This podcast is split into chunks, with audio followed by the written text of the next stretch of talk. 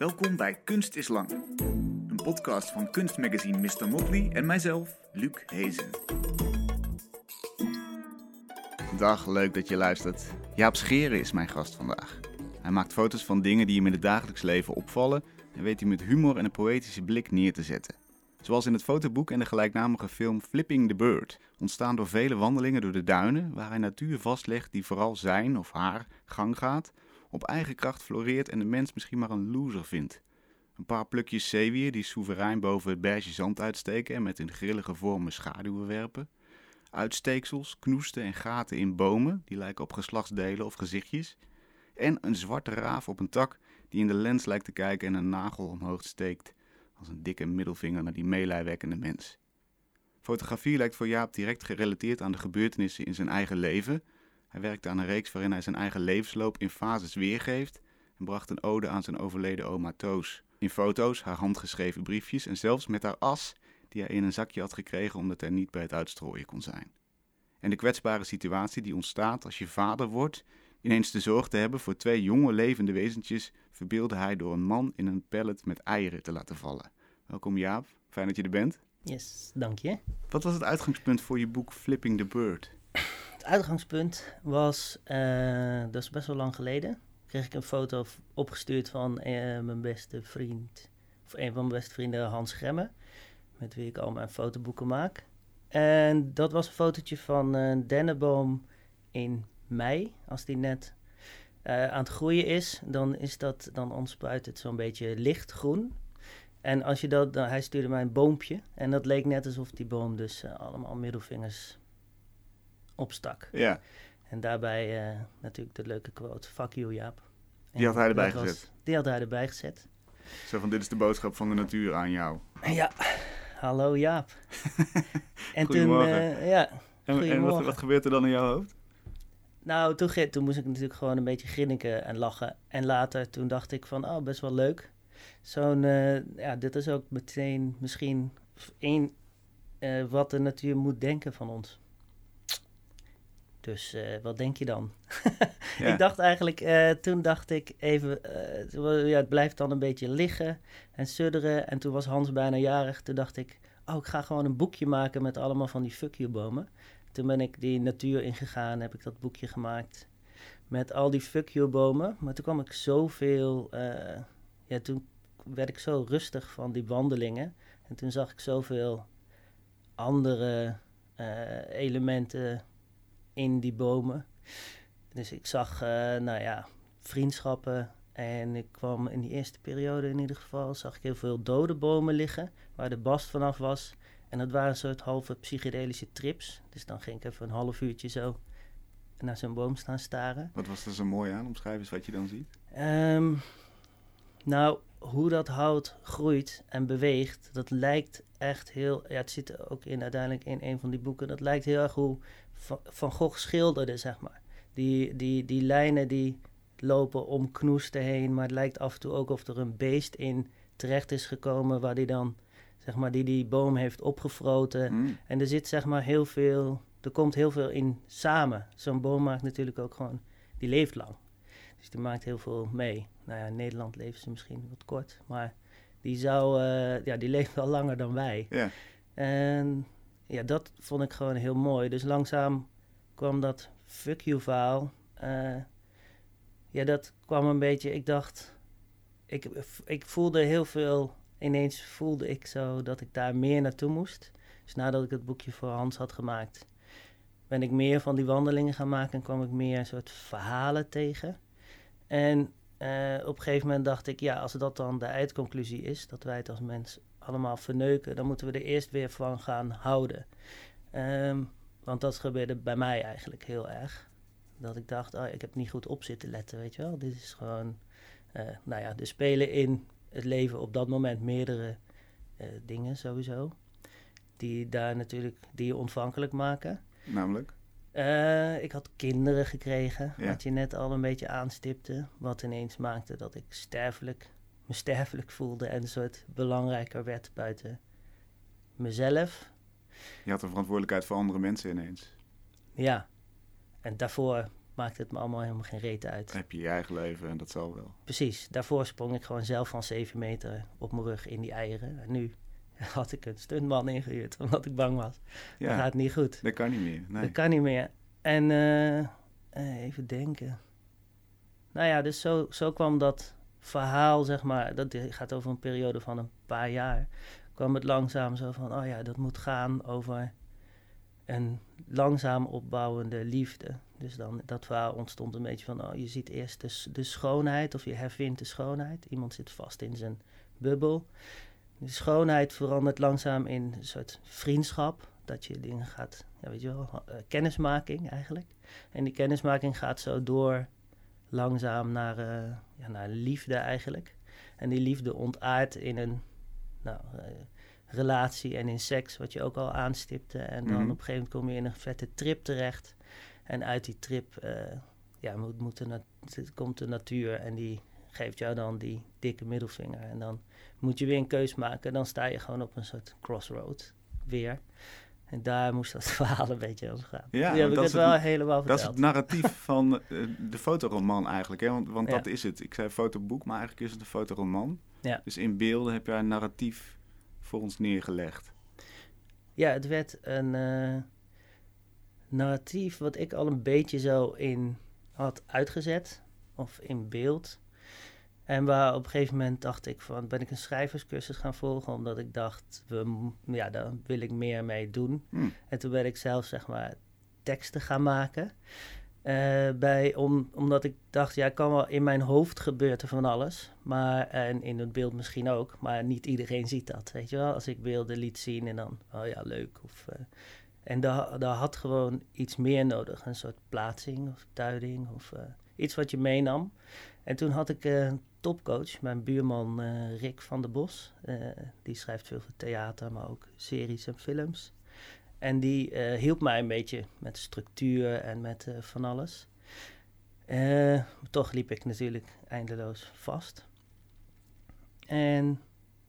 Ba, ba, ba. Ga ik het helemaal vertellen? Ja, ik ga het helemaal Ja, volgens vertellen. mij wel. Je bent goed Ja. op weg. Ja, precies. Hij heeft je geholpen met de tekst. Hij heeft Hij de heeft me tekst geholpen geschreven. met uiteindelijk, ja, maar dat is dus zeg maar, dat, er, er kwam corona dingen, wat ook weer een ander licht voor wierp op, de, op het werk, maar dat, eh, ik vertel eerst even dus Lijn Rik. Mhm.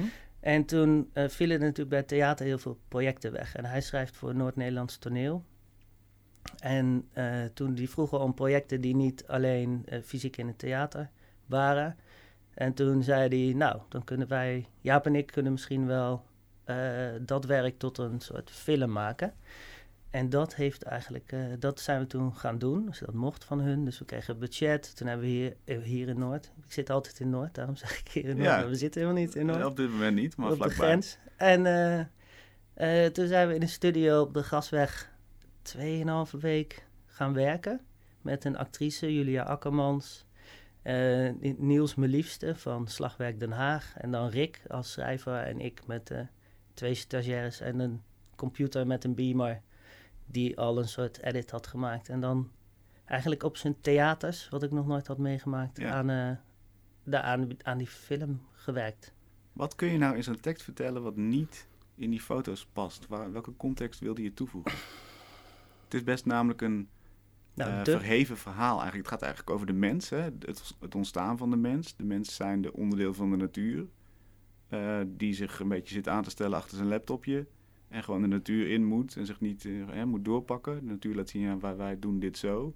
Je bent er in principe onderdeel van, maar als je niet wil, eh, we zijn je liever kwijt dan rijk. Zo, dat is een beetje mijn eh parafrase ervan. Ja. Wat, je, je begon met een vraag, maar toen ben, nu ben ik je vraag kwijt. Ja, nou, wat ik, waar ik eigenlijk Oh, benieuwd naar ben, is, ja, wat, Dat. wat voegde die tekst toe? Wat kun je in die tekst toevoegen wat je niet in beeld kon? Nou, ik denk eigenlijk de context van waaruit je vertrekt en waar je dan heen gaat. En je kunt gewoon dingen net aanzetten. En ook mensen dingen laten zien die ze misschien eerder niet zagen. Dus eigenlijk sturen in het beter eh, voelen waar ze zijn. En ze dan meenemen ja, op, op die wandeling die het dan is geworden. Waarin, waarin je de, eh, ja, ook soms gewoon aan moet geven van... Oh ja, hier zit Kijk hier kijk, naar. kijk hiernaar en kijk er een beetje, weet je wel, zie de poëzie van dit. Of zie de liefde van dat. Of eh, eh, weet je wel, eh, zie jij, nou hier, ja, of zie de liefde of de porno. En dat je ook wel, zeg maar, die confrontatie met jezelf een beetje aangaat Ja. in dat verhaal. Dat is heel mooi gelukt. Er zit ook een, een scène in over de vraag met wie vorm jij een bos. Hè? Dus al die bomen samen vormen een bos en een netwerk. Wie vangt jou op? Wie staat er voor jou klaar? Eh, we zien twee bomen die over elkaar heen liggen, alsof de ene, elkaar, de ene de ander troost. Wat zijn dit soort ideeën vaker onderdeel van jouw werk? Dit soort grote ideeën? Eh, ja, dat is wel vaker onderdeel van mijn werk. Maar dit is de eerste keer dat ik het gewoon. Of de eerste keer. Hierbij heb ik gewoon weer de tijd kunnen nemen om het helemaal van A tot Z. eh, alles af te maken en te bepalen. Hm. En dat gebeurt niet altijd, omdat je soms eh, voor iemand anders iets doet. Maar ja, dus hierbij vond ik het wel belangrijk, omdat het. eh, ja, ik had het idee dat het hier gewoon in zat. Dus Ja. dat het een langer verhaal nodig had. Ja, En soms is dat dan eh, niet zo. En er was ook, ja, er was ook ineens de tijd en zo. Het is mooi dat het eigenlijk bij een heel eh, lollig evenementje begint. Namelijk die foto van die, die middelvinger van zijn struik. En uitgroeit tot iets, tot bijna een soort van epos over het leven. En, en hoe de mens zich verhoudt tot de natuur. Ja, ja, ja precies. Ja, ik weet ook niet, dat is ook iets wat die tekst natuurlijk nog meer heeft aangesterkt. En ik ken Rick al wel heel goed. En we hadden gewoon gesprekken over waar ik dan, waar de foto's dan heen gingen, maar ook over wat er gebeurt in je leven. En in die coronatijd was het een weirde tijd ook. Dus daarin eh, nou ja, heb ik ook mijn oom verloren. Die was plotseling overleden, maar zijn zoon eigenlijk in de nasleep daarvan. En dat was best wel heftig, want, eh, op- of nou, heftig. Het is gewoon elk iets wat iedereen heeft meemaakt of meemaakt, maar toch wilde, ja, die zoon voelde gewoon geen verbinding meer met het leven. Hm. En, en mijn oom eh, heel veel. En het, ik vond het, dat die gesprekken hebben er wel met Rick hierover, hebben er wel voor gezorgd dat dat ook een belangrijk element werd in dat boek. Maar wat eigenlijk niet helemaal natuurlijk letterlijk terugkomt. Maar wat wel een gevoel is wat je dan eh, erin wil leggen. dus dat eh, loopt dat allemaal door elkaar inderdaad. Je, je bent een jaar of twee, twee, drie, loop je die foto's daar te maken. In de tussentijd gebeurt er van alles in je privéleven. Je krijgt kinderen, maar je maakt ook dit soort dingen mee. Dus je oom overlijdt en daarna je neefje. Ja, zijn wat met zoon. elkaar Ja. samenhangt. Ja. ja, dus dat neem je dan allemaal mee in je, in je gedachten. Maar ook in die, ja, die wandelingen helpen natuurlijk ook wel. Ik bedoel, Ja. kan iedereen aanraden één keer in de week lekker door de duinen te gaan wandelen, toch? Voor je eigen mentale gezondheid. En, en eh, hoe zie je dat dan? Projecteer je dan als het ware die verhalen bijvoorbeeld over je familie op de bomen die zich ook tot elkaar verhouden? Ja. Ja, Hoe, ik denk dat, wij, wij als mensen doen dat sowieso, toch? Dat is Mhm. dat antropomorfisme, wat je eigenlijk je menselijke blik, die je dan je eigen gedachten, je leven, wat je overal maar op projecteert, ook op ja, gesprek wat ik dan ja, nu met jou heb over mij of zo. Maar jij hebt dan een bepaald idee van, oh ja, dit neem ik weer mee of dit heb ik meegemaakt en zo dwaal je af en zo maak je connectie. Dus ook, eh, ja, maar je eigent het je ook toe soms. Ja. Dus dat is ook wel weer een beetje een soort glad vlak.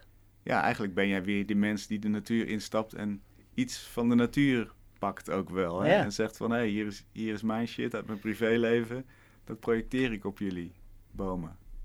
Ja, zoiets. En nee, nee, nee. over Dit verhaal ging natuurlijk. Dit verhaal gaat natuurlijk wel. Ja, dat is natuurlijk. Dat is natuurlijk. Uiteindelijk is, voelt het ook als een soort midlife crisis. Van iemand die, had die, die gewoon inderdaad dat iets zoekt en iets wil. Ja, En het was wel de bedoeling dat. Ja, en uiteindelijk laat ik natuurlijk weer die natuur zeggen: ja, fuck off. Want, Mhm. Maar dat heeft natuurlijk ook te maken met dat we zijn ook dingen aan het vernietigen, weet je wel. ja, Dus ik wilde dat wel groter maken dan dat. eh, ja, dat wat algemener maken dan dat privé Tuurlijk, verhaal. Zo. tuurlijk. Ja, dat is het ook zeker geworden. Heb jij het gevoel dat het eh, vanuit jou een projectie op die natuur is? Of heb jij uit de natuur het signaal gekregen: fuck you en de mens doet het, doet het niet zoveel toe?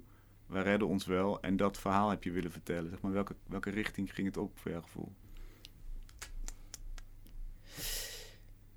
Ehm, kijk, dit is natuurlijk een idee en daar zoek je dan elementen voor eh, en je laat dingen weg om dat verhaal te vertellen.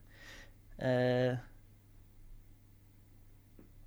zo dieper dan dat is als je gaat liggen in een boomstam of op de grond, dan is het niet zo dat je genegeerd wordt of dat je alles wegrent, maar dan voel je uh, dat je er bent en dan komen langzaam de pissenbedden en de insecten ook naar jou, weet je wel. Mhm. Dus dat is dan, ja. Dus het is niet te laat of zo. Of Ja, eh, die verbinding kun je maken als je er zelf voor open staat. Of als je die eerste stap zet. Ja. Ja. Tegelijkertijd is het inderdaad een eh, perspectief dat we niet zo heel vaak horen, volgens mij. Dat de natuur zegt, flikker maar op met die mens. Je, je, je, meestal hebben wij nu het frame, wij moeten de natuur redden. Want we doen de natuur veel slechte dingen aan. Eh, maar andersom, die houding van, ja, we hebben jou eigenlijk helemaal niet nodig als mens. Die hoor je niet zo vaak. Nou, wel steeds meer. Dat ligt er een beetje aan wat je leest, denk ik. Hmm. Maar over het algemeen heb je natuurlijk... Je hebt een beetje de mensen die denken dat alles op te lossen is. En de oplossing in mijn hoofd soms... Ik vind beide perspectieven altijd... In, ja, maakt mij niet zo heel veel uit. Maar ik ben welke meer... twee perspectieven zijn dat? Oh ja, want het is de tweede lossen, was ik... de ja, en de oplossing is misschien eh, wij niet, weet je wel? Oh ja. de natuur overleeft het wel als je ziet hoe eh Tsjernobyl eh, en Fukushima en de, weet je wel, er zijn altijd die neem, langzaam neemt de natuur weer over daar waar de mens is verdwenen. ja. Dus die gaat wel goed of zo, toch? Het Die gaat een beetje wel. daar, ja, die heeft redt zich mensen wel. niet nodig. Nee. ja, dus Oké. ik weet het niet zo goed. Nee, je hinkt op twee gedachten tussen die twee. Ja, Is het zo dat in de tekst zit natuurlijk, hè, eh, even weer in mijn woorden, een soort van de zielige mens achter zijn laptopje die maar een beetje aan het, eh, aan het sukkelen is, geen beslissingen kan nemen. Ben jij die mens? Is, is dat in die, die mate uit je privéleven getrokken, die tekst? Ja. Zo voelde je je echt, nog Ehm, steeds, weet ik niet. Ja, kijk, eh, ja. Zo voel ik me soms wel, ja. Ik denk iedereen wel, hoop ik. Mhm. Dat je op een gegeven moment jezelf ziet zitten zo. En dan denkt, oh ja, zit ik nou? Is dit nou helemaal in mijn vak of mijn beroep, weet je wel? Ik heb hier gewoon voor gekozen. Mhm. Verdien hier nou, bijna niks mee. En dan, eh, ja, waarom zit ik dan de hele tijd achter die computer? Eh, ja, dat, dat was wel een... eh, dat is natuurlijk op, soms een gedachte die je hebt, toch? Ik En ben ook best wel vaak gestopt met kunst maken. Ja? Omdat ik dacht, ja, ik heb gewoon weer zo'n galerie-ding gehad. En dan heb ik al mijn geld ingestopt, wat ik dan heel veel moeite had om. En er komt eigenlijk niks terug. Of ik speel kiet. Of, eh, En Mm. dan ga je de twijfel van, ah ja, ik moet toch overleven of zo. Ja, natuurlijk. En dan, eh, nou ja, dan was ik zes maanden gestopt. Toen dacht ik van, ah ja, maar dan eh, had ik toch weer zin om iets te maken. Eh, dus dan ga ik, ben ik, heb ik toen ook? Oh ja, en toen heb ik een serie gemaakt, I Am Here But Why. Waarin ik dan borden besch- Ja, toen dacht ik van, ja, het gras is altijd groener aan de andere kant. Want ik weet ook nog, want als je dan nadenkt, dan heb ik ook allemaal baantjes gedaan waar ik ook echt niet blij van werd. En waar ik meestal na twee weken stopte. Eh, dus ik het best wel een luxe positie, kunstenaar zijn. Ja. Maar soms moet je je daar weer even aan herinneren, blijkbaar. Dat gaat niet vanzelf. Nee, En wat maakt het dan toch de moeite waard? Want je verdient er nauwelijks geld mee. Eh, ja, wat, wat, wat, wat maakt dat het maken van beelden zo interessant is dat je dat blijft doen? Ja, daar heb ik ook heel vaak over getwijfeld. Of het wel belangrijk, of ik het wel aan de verhalen die je dan zelf wil vertellen, of die ook belangrijk genoeg zijn om dan ook nog in die wereld te gooien of zo. Mhm. Maar ik vind gewoon het, ja, het is misschien heel bazaal, maar het is gewoon, ik vind het gewoon echt leuk om te doen. En ik heb het idee dat er ook nog ruimte is voor de verhalen die ik heb te vertellen of zo. En ik probeer altijd een soort alternatief voor, voor ja, je zei het een beetje in het begin. Eh, alles is plat als je het zegt, dat denk ik altijd. Maar dan heb je een soort een parallele werkelijkheid. Dat vind ik leuk aan kunst. Dat je zeg maar iets hebt en dat je dan daar uit je werkelijkheid getrokken wordt en een ander perspectief te zien krijgt. En Mhm. ik denk dat, eh, ja, dat, dat doe ik al mijn hele leven. Dat je gewoon op een gegeven moment verveelt ergens en dan laat je iets gebeuren in je hoofd. En dat vind ik gewoon tof. En ook om dat bij anderen te laten gebeuren, dat, uh, dat de zin van het leven, soort van. Uh, dat is voor mij de zin van het leven, zeg maar. Dat je uh, de lol of de, of de poëzie of soort van het, ja, het bewegen, het vloeien. Hoe, hoe, zeg je dat? Ik, soms heb je hele goede woorden, soms niet, maar dat je de zin in krijgt. Ja. Want het is gewoon soms niet zo leuk, weet je wel. Ja. Ja, tuurlijk. Ja, er is een, een harde realiteit die helemaal niet zo prettig is. Soms. Maar er, er zit, uh, ja, ik snap wat je bedoelt, jeu in of, of, of uh, een soort levenslust. Ja. En dat kan dus door die andere blik. Die, dat wordt daardoor aangewakkerd. Ja, ja. Je eigen leven is inderdaad daar vaak onderdeel van. Je, ben, je werkt met een serie over nou ja, evenementen uit je eigen leven, bijna in hoofdstukken. Eén uh, scène daarin is bijvoorbeeld dat je op tienjarige leeftijd een, een verbrand bent. Drie. Drie? Ja. Nou Hoe? ja, kan gebeuren. Zeker. Wat voor beeld levert dat op? Um, van mij in een wastobbe, helemaal ingezwachteld als een soort mummie. Ja. Met, uh, ja, dat, dat beeld levert het op. ja, ik weet het ook niet. Ja. Dat ga ik dan van die herinneringen die ik dan van vroeger heb, ga ik dan gewoon weer opnieuw herbeleven. Mm -hmm. Dat vind ik dan leuk, want dan is dan in mijn hoofd, uh, daar heb ik dan gewoon zin in. Mm -hmm. Dus dan ga ik dat doen. Uh, en ook met het idee, of misschien is dat idee om, de, om er dan een serie of een werk of een boek of zoiets van te maken, de reden. Uh, om de, het de daadwerkelijke aanleiding. Eigenlijk. Ja, de aanleiding. En dan, uh, nou ja, dat is dan het beeld wat het oplevert. Een Ja. beetje sneu, naakt mannetje met een, een mummiehoofd. Ja, en dat ben ik dan op deze leeftijd, dus dat is wel leuk. En die is eigenlijk gebaseerd op twee foto's die ik heb gemixt in mijn hoofd, die wel uit een fotoboek komen. Dus ik denk dat hij daardoor indruk heeft gemaakt. Maar dit is, eigenlijk is die, dat mummiehoofd, dat is mijn moeder die mij op de arm heeft. Ja. En dan heb ik van diezelfde vakantie, eerder in die vakantie, maar dat is misschien ook helemaal niet waar, eh, zit ik in een wastobbe. Tobbe. En dat zijn twee foto's die dan in mijn hoofd, die, wat ik als één herinnering heb gemaakt ooit. Ehm, ja, dan maak ik dan. Dus, dus het wordt uiteindelijk toch weer een soort nieuwe versie. Ja. En dan is eigenlijk, dat, dat is dus een voorbeeld van het perspectief wat je net benoemde. Hè? Je hebt zin om die herinnering te herbeleven en, en er worden twee beelden samengevoegd op een wonderlijke manier, waardoor er net iets verschuift. Ja. Is, het, is dat dan, eh, stel dat er geen noodzaak was om geld te verdienen, eh, was het dan nooit een afbeelding geworden? Was het dan in je hoofd gebleven, denk je? Of was het altijd wel een beeld Ik geworden? verdien hier geen geld mee, hè? Nee, maar je dat- zei net de motor en de aanleiding van zo'n van zo'n boek is, of zo'n idee is misschien, dat wordt een project, dat wordt een boek, dat wordt misschien nooit verkocht. Oh ja, ja, Toch? ja. Nou, wie Of, weet. of interpreteer ik het dan verkeerd? Nee, nee, nee, maar je bent mij echt vele stappen voor. Oh ja, nou, graag gedaan. Ik, ik zal je een factuurtje Als sturen jij, straks. kan, de- als jij het kan verkopen, zou het te gek zijn. Eh, nee, maar ja, ja. Eh, toet, toet, toet. Ja, dit is dan een klein deel, zeg maar. Want eh, ik was dus vastgelopen op dit. op dit natuurlijk ben ik vastgelopen op een project over het hele leven. Maar eh, dus, ik had een. ehm, ik heb ook bijvoorbeeld een placenta gefotografeerd. Waar je dan, dat was dan mijn begin. Moet ik nog fotograferen? Dat is de bevruchting. Maar de placenta, die heb ik al gemaakt. Dat is een Mhm. soort iglo met een opening. En dat. eh, nou ja, en zo wilde ik zeg maar van al die stappen, van al die levensveranderingen, wilde ik dan eh, een werk maken. Ja, En daar hoorde dit gewoon bij. Dat was dan je peutertijd, waarin je vader de krant zit te lezen en jij op de camping in een eh, gastankje of zo'n gasflesje loopt, ja. wandelt, kruipt. En, en wat zijn dan, wat is de waarde van zo'n beeld? Is dat ook een herinnering? Of is dat communicatie naar andere mensen toe? Hoe zie je dat? Als het dus geen financiële waarde heeft, blijkbaar, of nog niet. Als dat nog niet meespeelt. Ja, dit gaat gewoon. Ik heb gewoon best wel een soort gemiddeld, eh, tenminste een heel fijne, rustige jeugd gehad. En ik dacht, dat is wel mooi om dat verhaal ook te vertellen. Hm. Over, en dus daarom ben ik daarmee begonnen. Waarom ik erop vast ben gelopen is misschien heel even, ja, dat weet ik even niet. Ja. Hoe ik daar dan, eh, maar daar ging het ook niet om, dat was ook niet de vraag. Wat is de waarde Ja, daarvan? wat is voor jou de waarde ervan?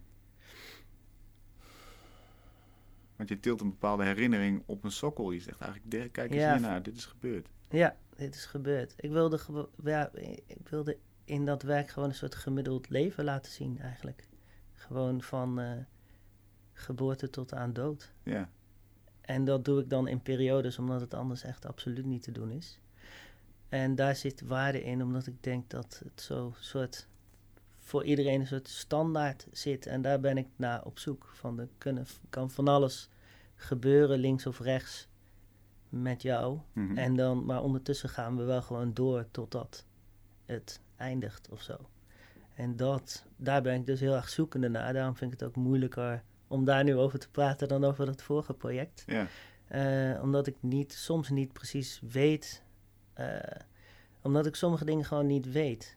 Dus ik kan niet daarover nog niet iets over maken of over, goed over praten. Dat is dus blijkbaar een vereiste om, om alvast vooruit te weten wat een project gaat doen, om het ook echt te doen.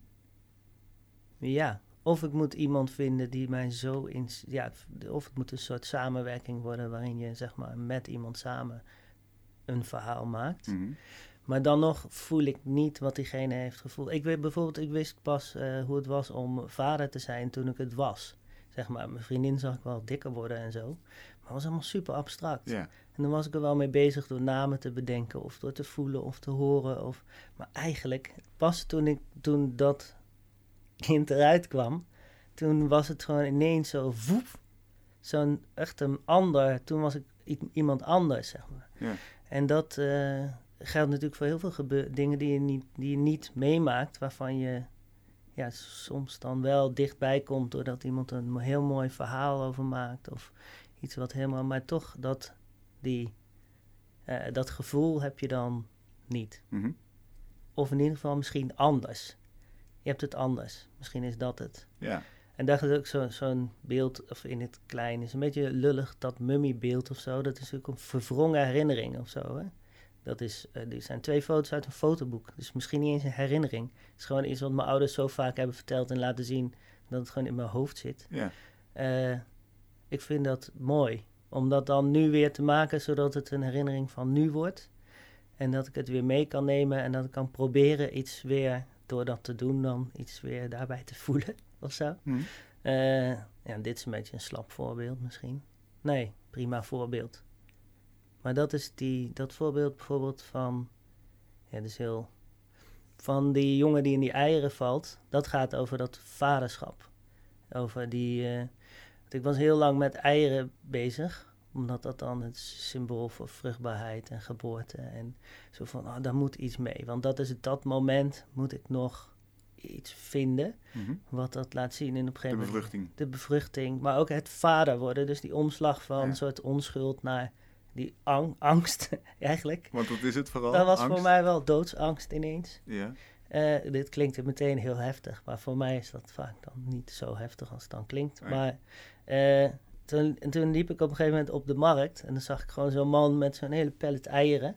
En die was gewoon die dingen eraf aan het pakken en mensen kochten dat. En, eh, en ik stond daar zo te, te staren eigenlijk. En ineens viel er gewoon iemand zo, paf, midden in die stapel eieren. En toen eh, moest ik heel hard lachen.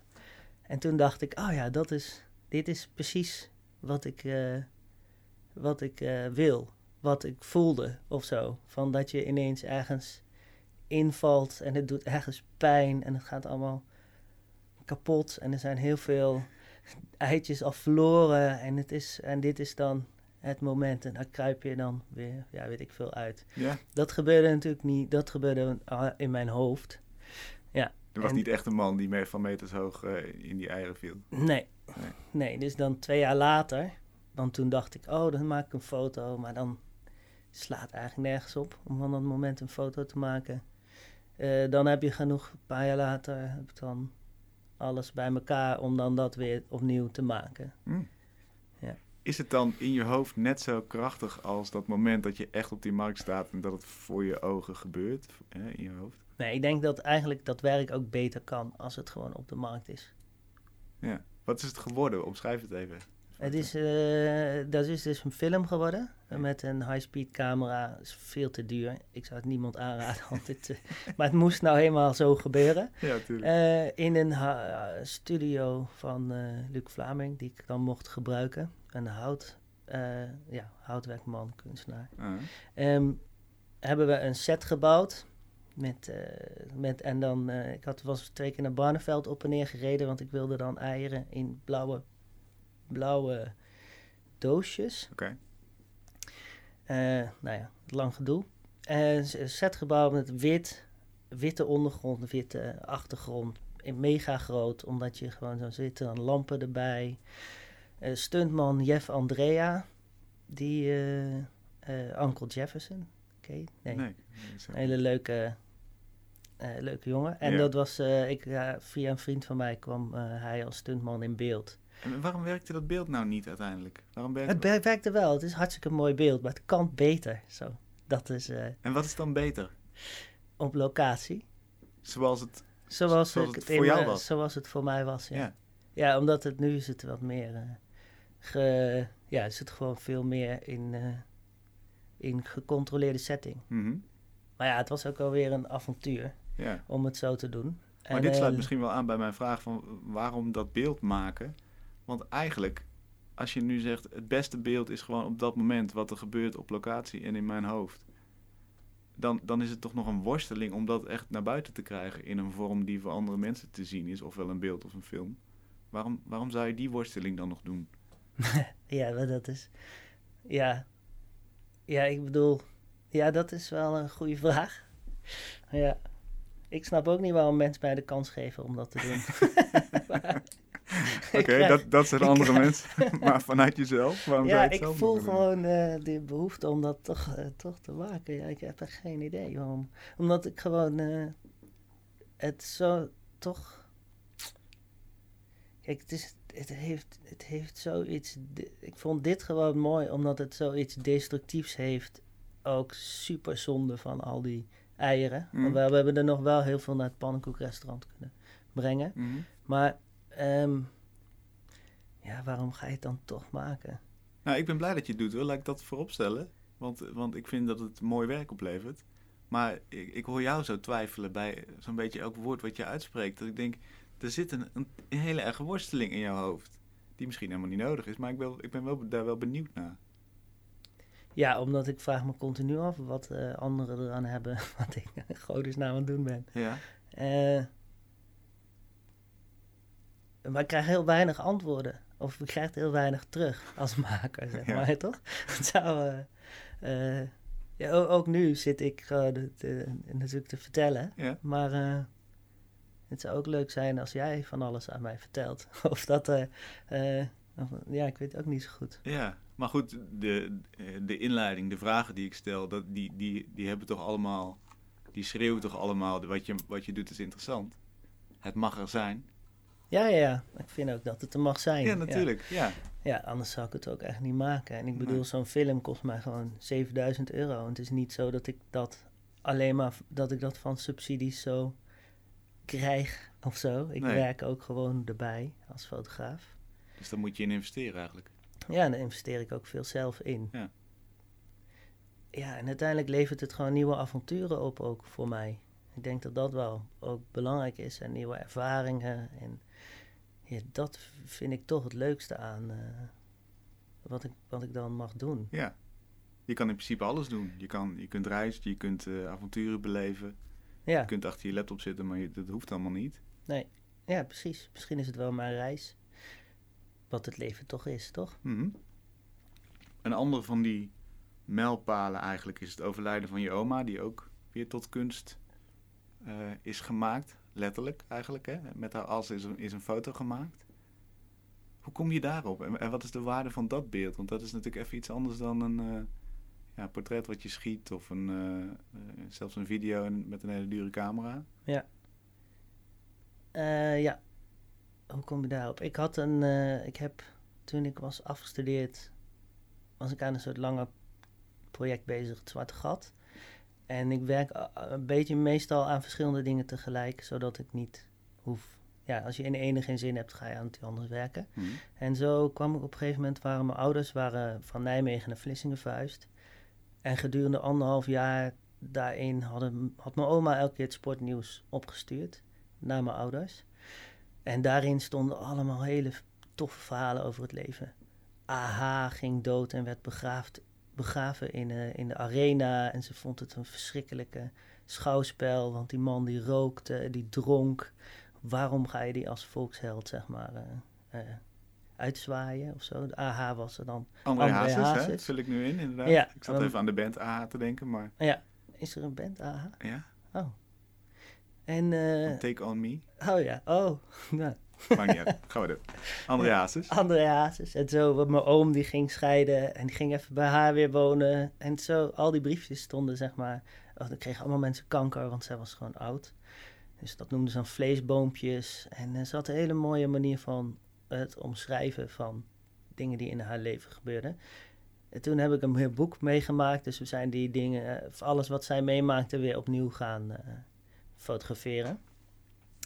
Eh, en dat was heel leuk. Dus er was ook een overvaller. En dan zei ik gewoon, hoe zag hij er dan uit? En ja, met een sjaal. En dan moest ik wegrennen. En eh, wat had hij dan nog meer? Oh ja, was echt een amateur. Want hij had een schroevendraaier in zijn hand. Nam me niet echt serieus. Maar ik vond het toch een beetje spannend, weet je wel. En dan gaat zij die overvaller, kleden we haar aan zoals die overvaller eruit zag. Nou, dat had ik helemaal gedaan. Toen leefde ze nog. Eh, en ze was een beetje speel van de familie. Of is het misschien nog steeds? Iedereen, er zijn een paar mensen in de running voor de nieuwe oma Toos. Hm. Maar die is nog niet. Die moet je zijn, weet je wel? Ja. Dus dat moet zich nog een beetje ontwikkelen. Me, Ja, en, eh, maar... Ukulele zeg. Oh ja, ik kon niet bij de uitstrooien zijn van de as. Dus mijn tante, die was... eh, die had mij... Op een gegeven moment kwam ze aan met een uh, Jamin zakje met as. Ze had zo voor drie kleinkinderen zo'n Jamin zakje gevuld met die as van mijn oma. Dus ik zat al echt jarenlang met die as van mijn oma. Zo had ik zo'n doosje voor. En daar lag dan die as. En mijn Hmm. vriendin zei ook van, wat, wat ga je daar godesnaam mee doen? En op een gegeven moment toen eh, was er een man, Vito Worms. En die maakte kooldruk eh, met, eh, met van, die maakte foto's van steenkoolbergen. En die drukte die af met die eh, steenkool die hij dan van die berg had gedaan. Hmm. Dus hij maakte zijn eigen pigment. En toen dacht ik ineens, ik heb gewoon, eh, ik heb ook pigment. ja. ja. want ik heb gewoon die as. En toen ben ik naar hem toe gegaan, toen heb ik gevraagd en hij was su- su- super lief en hij wilde mij helpen om, eh, om dan die afdrukken te maken. Dus dan moest ik het maar ook een beetje zelf doen. Maar dat is best wel specialistisch gebeuren. Dus iets van drie weken of een maand later. Nou, we hebben echt best wel lang daar in zijn doka zitten werken. Omdat, nou ja, eerst moet je het helemaal vergruizen. En, eh, omdat dan, en dan moet je het, eh godverdorie, hoe moest dat ook alweer? Nou ja, maakt niet uit Nou het ja, hele dan proces. dat Maar proces je hebt krijg dus, je, en je dan hebt maak dus je je oma nog verder zitten vergruizen. Ja, Voelde dat ook zo op dat moment? Heb je daar nog enige connectie mee? Of denk je gewoon, dit is een technisch proces? Oh nee.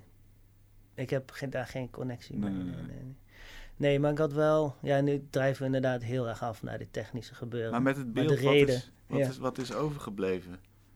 Heb je, heb je daar dan wel meer connectie mee dan een, een gewone foto? Ja. Ja. Ja, ik vind het wel een... Ja, maar ik hang dat dan ook weer in een expositie op, bijvoorbeeld. Dus dat is wel gek misschien.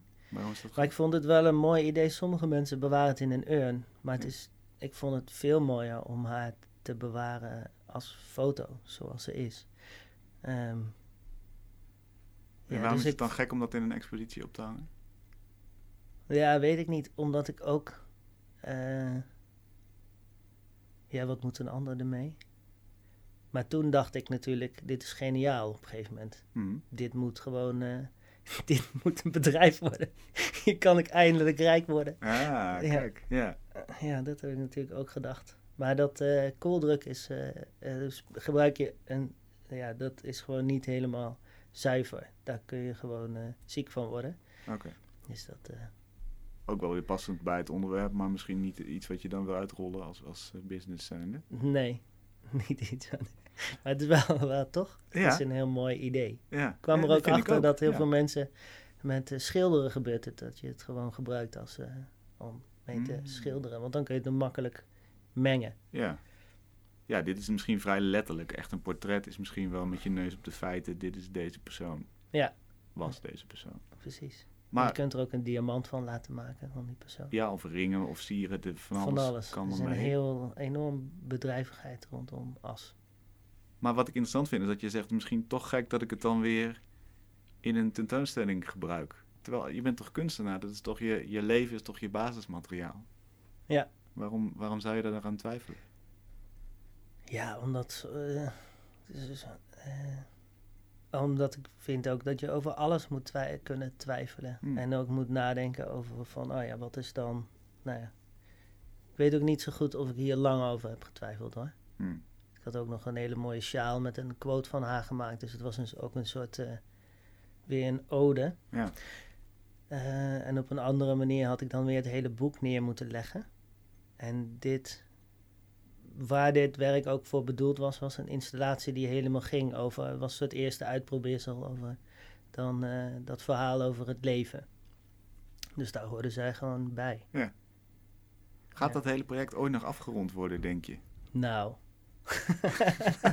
ik zit nu gewoon te denken om maar kleine zines of zo te maken. Zodat het in ieder geval eh, eh, even een vorm heeft Mm. waar ik iets mee kan. In plaats van een soort eh, archief. Het gaat vast wel een keer afkomen, ja. Het is, maar dat is behapbaarder om het, om het eh, in kleine tijdschriftjes te drukken. Ja. Ja, en ik vond het dus ook moeilijk, want ik had dan voor over mijn opa, die, die mijn opa, dat is dan van mijn vaders vader. Dit was mijn moeders moeder, ome Toos. Die, die, die overleed op een gegeven moment. En wat was ik nou? Ik was zijn spullen sowieso aan het fotograferen. Ik wilde iets met hem doen, want dat Toos boekje kwam eruit. Of was al uit. Maar ik dacht, oh, het is wel mooi, want je komt uit twee mensen voort. En mijn ouders ook. En mijn vader lijkt meer op zijn vader, mijn moeder meer op de moeder. Dus dan, daar ben ik weer uitgekomen. Hm? Ik wil iets heel simpels zeggen. Ah ja, toen hij doodging, toen heb ik zijn stoel gefotografeerd. Want de laatste vijf jaar van zijn leven had hij eigenlijk een stoel waar hij in zat. En dan ging hij af en toe naar de keuken. En dan lag er op een gegeven moment een tapijt. En dat lag daar omdat de, onder de vloerbedekking al helemaal was uitgesleten. Want hij zat gewoon of in die stoel of even keuken. Of, eh, dus het was gewoon heel zijn leven was dat. Hij was gewoon nog aanwezig in die stoel en dat tapijt. Ja. En toen dacht ik van, oh ja, dit moet ik dan fotograferen, want dit gaat over, dit hoort in dat, in dat werk of zo. Maar ja, al die dingen daartussen, van zeg maar, nu ben ik 42, tot aan zijn leeftijd, dat weet ik nog niet. Eh, nou, Dat is work in progress. dat Dus- is work in progress, ja. Dus wie weet komt het wel nooit af. Maar eh, ja, Maar je leven is ook nog niet af. En, Nee. en nog lang niet, hoop ik. Dus in die zin eh, is er nog werk te doen. Ga je dan ook door het leven met die werkblik, om het zo maar te zeggen? Het kan een motor zijn, een krachtige motor, om het leven misschien intenser te beleven of om er dingen uit te lichten. Waarvan je denkt, nou, dit kan misschien wel een werk worden. ja. Ja. Nou, ik reflecteer niet op, op alles. Maar eh, ja, je, je, je bent toch altijd een beetje jezelf, toch? En sommige momenten kun je wel terughalen. Niet eens altijd een beetje, gewoon altijd, toch? Ja, nou, dat weet ik niet helemaal hoor. Wanneer Denk ben je niet je- jezelf? Eh, nou, ik weet niet of ik nu helemaal mezelf ben, omdat ik bijvoorbeeld nu in een interview zit met jou. Mhm. En soms, eh, ja, ik geloof wel dat je zo het. Ik heb altijd leuk gevonden ook in, in verschillende groepen te bewegen en verschillende soorten vrienden te hebben. En dan heb je toch altijd dat je ergens aanpast of zo. Hmm. Of dat je. eh, ja, Een andere versie van jezelf laat zien. ja. Ja, niet dat je je helemaal aanpast. Ik bedoel, misschien is het ook helemaal bij vette onzin wat ik zeg. Want ik heb niet het idee dat ik nu heel anders... Maar het is niet een natuurlijke setting, Nee, zeg maar. het, is, Dus- je heeft iets geforceerd en iets, eh, het, heeft, het is een bepaalde vorm. Maar goed, die vorm eh, zou je ook kunnen zien als, eh, als je straks naar buiten loopt, is de vorm dat je je kunstenaarsblik hebt en dat er van alles opvalt. Dus Ja. dat je nog eens naar een, naar een boompje kijkt waar je voorbij fietst of zo. ja, als ik niet in een gesprek zit of in een iets aan het luisteren ben of in muziek en ik ga, zeg maar, dan sta ik open voor, voor dan, dan komt er van alles binnen, zeg maar, ja. Dat is ook leuk, Ja, zeker. toch? Dat Ja, ik niet zeker. een kapstok zie, maar een cactus. Omdat ik gewoon denk, ah ja, dat grappig, waarom gaat hij dan, waarom is die, er staat hij in de studio, een kapstok, en Ja. die lijkt enorm op een cactus. Waarom is dat eigenlijk een cactus Ja. geworden? Ik heb nog nooit gedacht om een jas op een cactus te hangen. En Nou zo, ja. zo ontstaat er weer van alles. Of kan er van alles ontstaan. Ja, ja, ja. ja. Heb jij het idee dat het, het twijfelen, wat ik net even aanstipte, wat, wat ik merk, dat je, je hebt volgens mij een soort stem in je hoofd die, die steeds voordat je een zin hebt uitgesproken al zegt, is dit nou eigenlijk wel zo en wat een onzin en, en waarom, eh, waarom poneer je dit zo stellig? Heb je het idee dat dat werkt? Is dat, is dat ook jouw kracht als kunstenaar? Dat je die twijfel hebt? Of houdt het je tegen? Nou, het houdt me absoluut niet tegen. Want ik vind het niet heel moeilijk om een soort eh, eh, uitspraken te doen. Alleen ik doe wel... Elke uitspraak is, is dan ook weer het tegenovergestelde is ook waar of zo. Dat vind ik altijd ingewikkeld aan eh, iets heel stellig zeggen. Mijn vader kan heel stellig zijn. En dan is er. Dan heb je bijna geen... Er is geen ruimte meer, zeg maar. En mijn moeder, die is juist die geeft juist veel te veel ruimte. Die gaat gewoon acht perspectieven bekijken.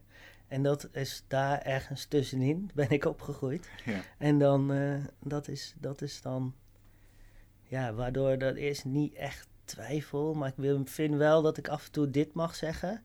Dat dan, eh, nee, dat ga ik dan niet zeggen. en dan, maar dat je gewoon het ene kan zeggen en dan weer het andere. En dat dat dan allebei eh, mag, Mhm. of zo. Ja, die ruimte wil je openlaten om dat te verkennen. Ja, ja. Ja, of het, je kan het ook zien als dat je geen fouten wil maken. Dat kan natuurlijk ook. Indekken. Ja, indekken. Maar ja, ik denk dat het heel verstandig is om jezelf in te dekken soms. Maar het is ook saai. Dus toch? Het is ook leuk om soms te zeggen van... Oh, we zouden eigenlijk klinieken moeten doen voor het steriliseren van kinderen. Mhm. Dat is gewoon... Eh, maar dat is dan een gedachte die ik dan eigenlijk niet zou moeten uitspreken. Uh, Maar die is soms wel dan, weet je wel. Met, eh, oh, dat, wa- dat gaat dan over, als je het hebt over minder mensen, waar we het daar straks over hadden. Een de eh, natuur te geboorte beperken. Ja. Ja. En dat is dan weer, dat kan niet natuurlijk eigenlijk.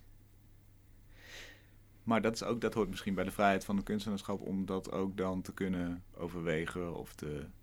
Ja, maar ik vind het gesprek dan ook wat in mijn hoofd plaatsvindt interessanter dan alleen dat zeggen. Mhm. Dus dan wil je ook dat alles daaromheen. Een soort van, oh, maar waarom zou je dat dan doen? Of hoe zou je dan. eh, we- we- welke andere mogelijkheden is dat niet te bruut?